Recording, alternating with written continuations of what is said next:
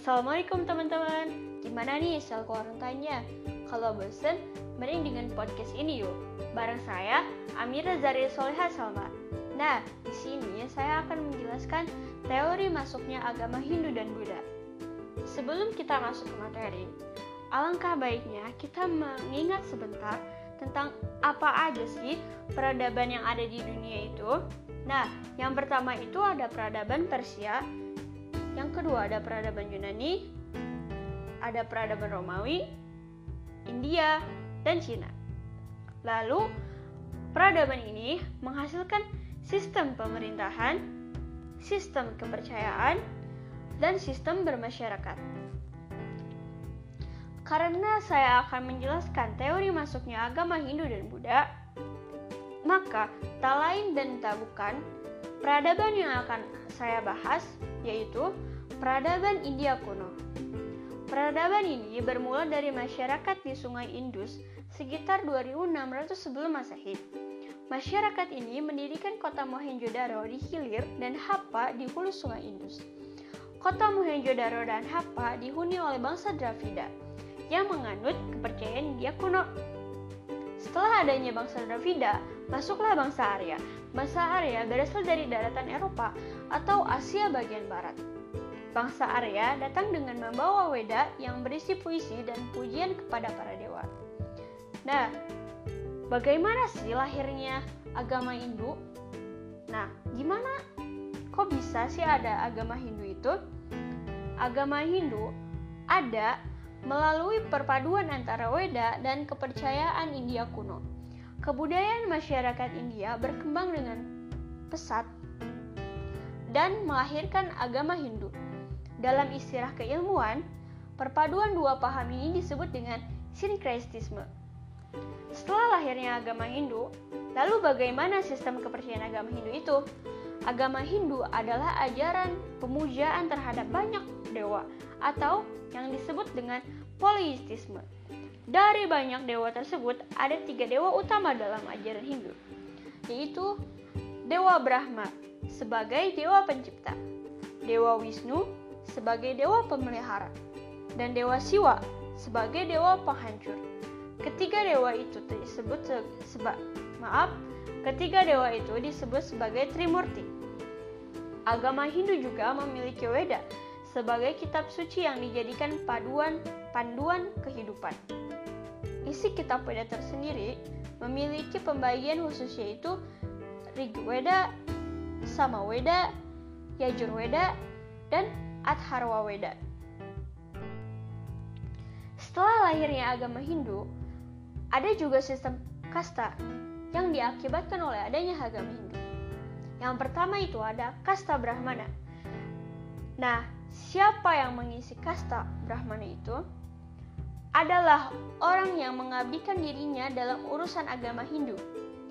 Yang kedua, kasta kesatria, yaitu kepala dan anggota lembaga pemerintahan termasuk bangsawan dan prajurit.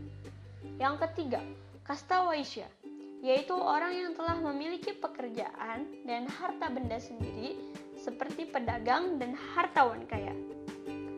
Yang terakhir, yang paling bawah adalah kasta sudra.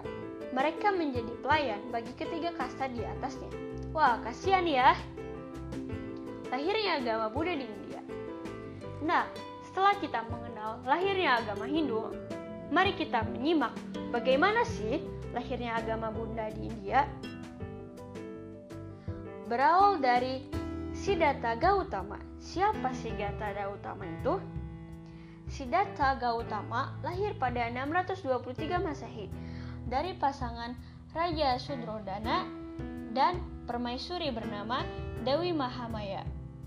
Kemewahan istana tidak membuat Siddhartha bahagia karena ia melihat masih banyak rakyat yang menderita. Masih banyak rakyat yang menderita.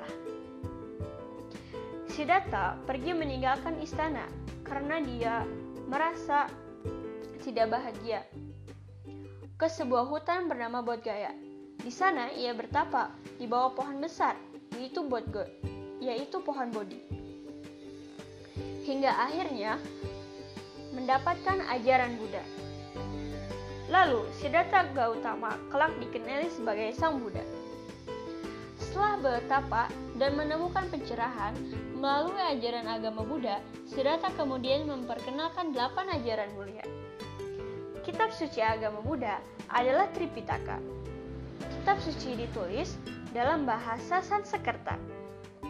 Tripitaka terbagi menjadi tiga kelompok yang dikenal sebagai Pitaka, yaitu Vinaya, Sutta, dan Abhidharma. Agama juga, agama Buddha juga punya tempat suci nih. Apa aja? Yang pertama ada Lumbini, tempat kelahiran Siddhartha Gautama. Yang kedua ada Bodh Gaya, tempat Siddhartha Gautama memperoleh pencerahan. Yang ketiga, Sanat, tempat Buddha pertama kali menyampaikan ajarannya. Yang terakhir, yang keempat, Kusinarga, tempat Buddha wafat.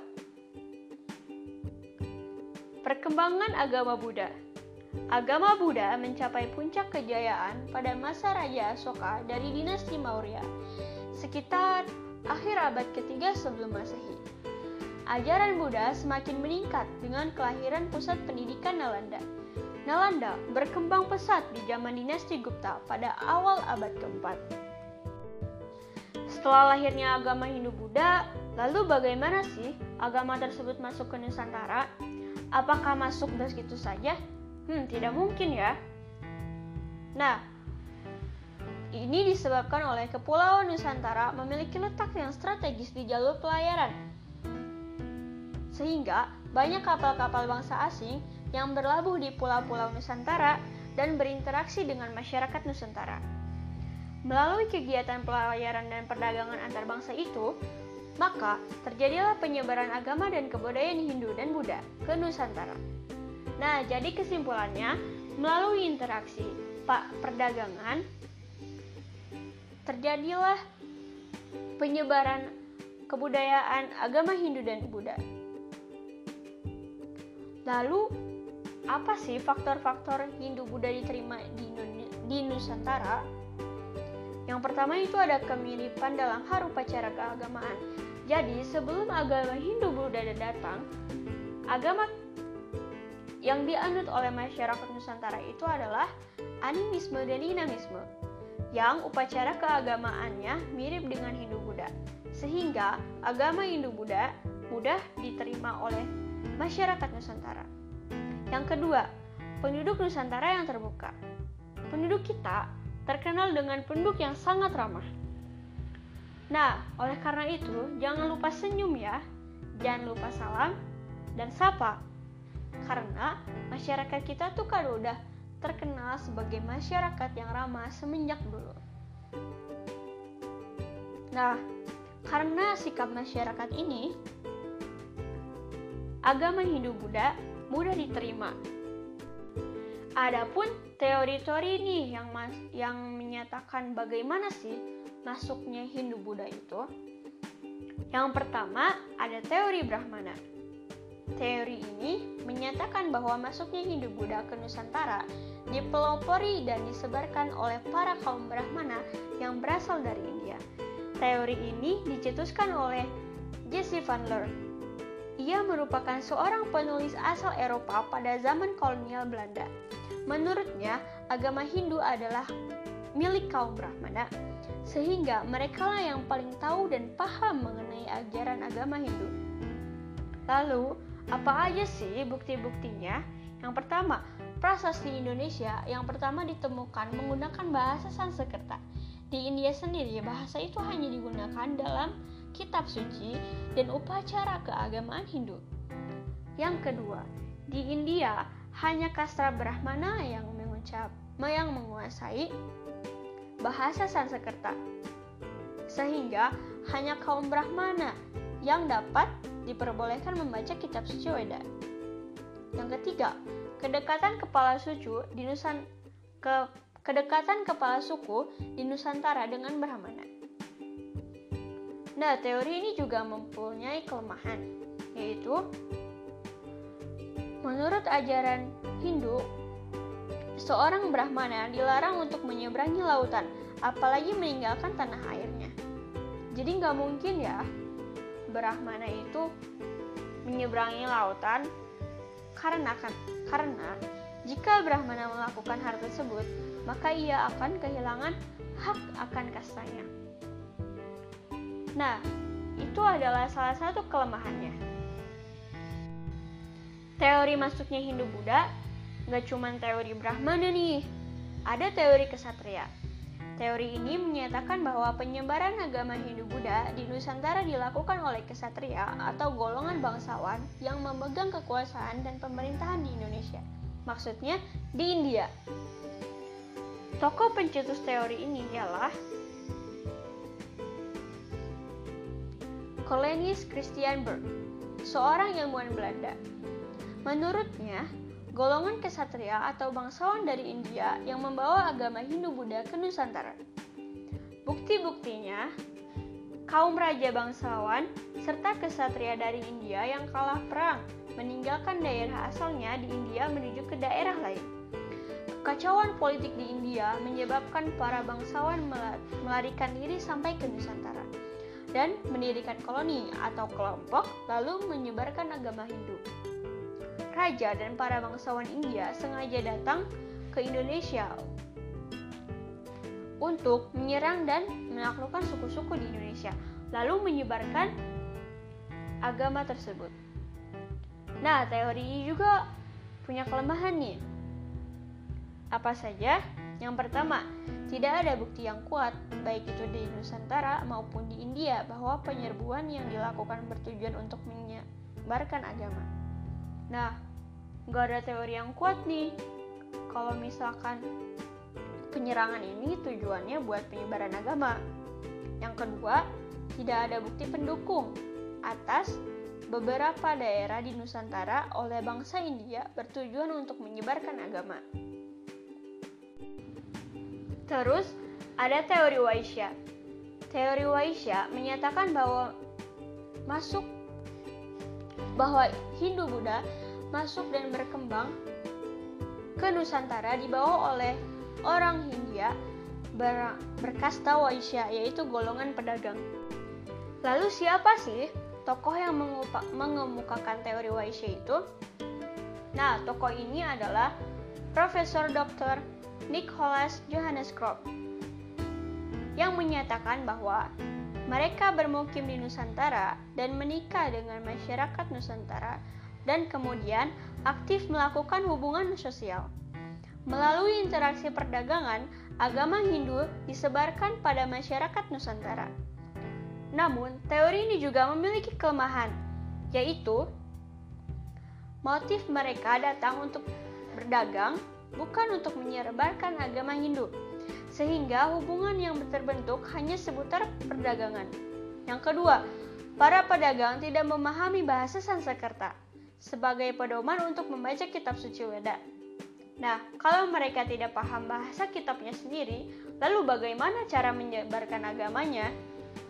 Yang ketiga, kerajaan Hindu di Nusantara lebih banyak terdetak di daerah pedalaman seperti Pulau Jawa, Pulau Sumatera, dan Kalimantan.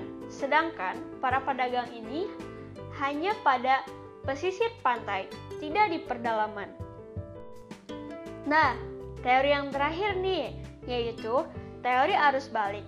Teori ini menyatakan bahwa perkembangan ajaran Hindu-Buddha di India menarik minat para kaum terpelajar di Nusantara untuk berguru ke India. Tokoh yang mempelopori Tokoh yang mempelopori teori arus balik ialah FDK Bos. Menurutnya, kaum terpelajar Nusantara pergi ke India untuk mempelajari agama Hindu-Buddha secara langsung di sana. Lalu, bukti-buktinya yang pertama, Prasasti Nalanda menyebutkan bahwa Bala Putra Dewa, Raja Sriwijaya, meminta kepada raja di India untuk membangun wihara di Nalanda sebagai tempat untuk menimba ilmu para pelajar dari Sriwijaya. Yang kedua, Kerajaan Sriwijaya dari Nalanda di India membangun hubungan lewat pendidikan. Keduanya saling mengirimkan pelajarnya. Teori ini juga tetap memiliki kelemahan. Yang pertama, kemungkinan masyarakat Nusantara untuk belajar agama Hindu-Buddha ke India sulit. Kenapa? Karena masyarakat Nusantara pada masa itu masih pasif. Yang kedua, the, Ge the Genographic Project yang dibuat oleh National Geographic juga belum bisa menjelaskan bagaimana Laut Nusantara bisa menjelajah India hingga Afrika.